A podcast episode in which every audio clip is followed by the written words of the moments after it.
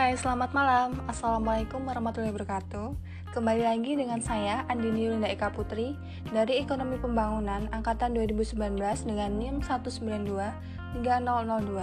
Kali ini saya akan membawakan podcast untuk memenuhi UTS Ekonomi Pedesaan soal kelima. Kali ini saya akan menjelaskan sedikit tentang SDGs.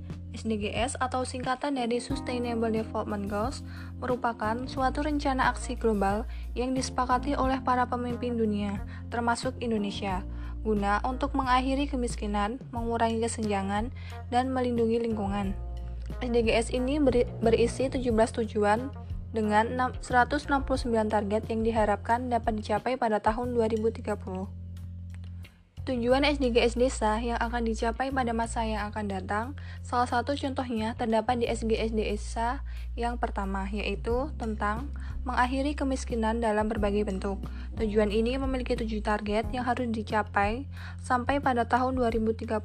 Isu pokok dalam tujuan ini adalah kemiskinan dan penolakan terhadap kehidupan yang ber bermartabat. Nah, itu tadi sedikit penjelasan tentang SDGs dari saya. Sekian, terima kasih. Bila ada salah kata mohon maaf. Wassalamualaikum warahmatullahi wabarakatuh. Selamat malam.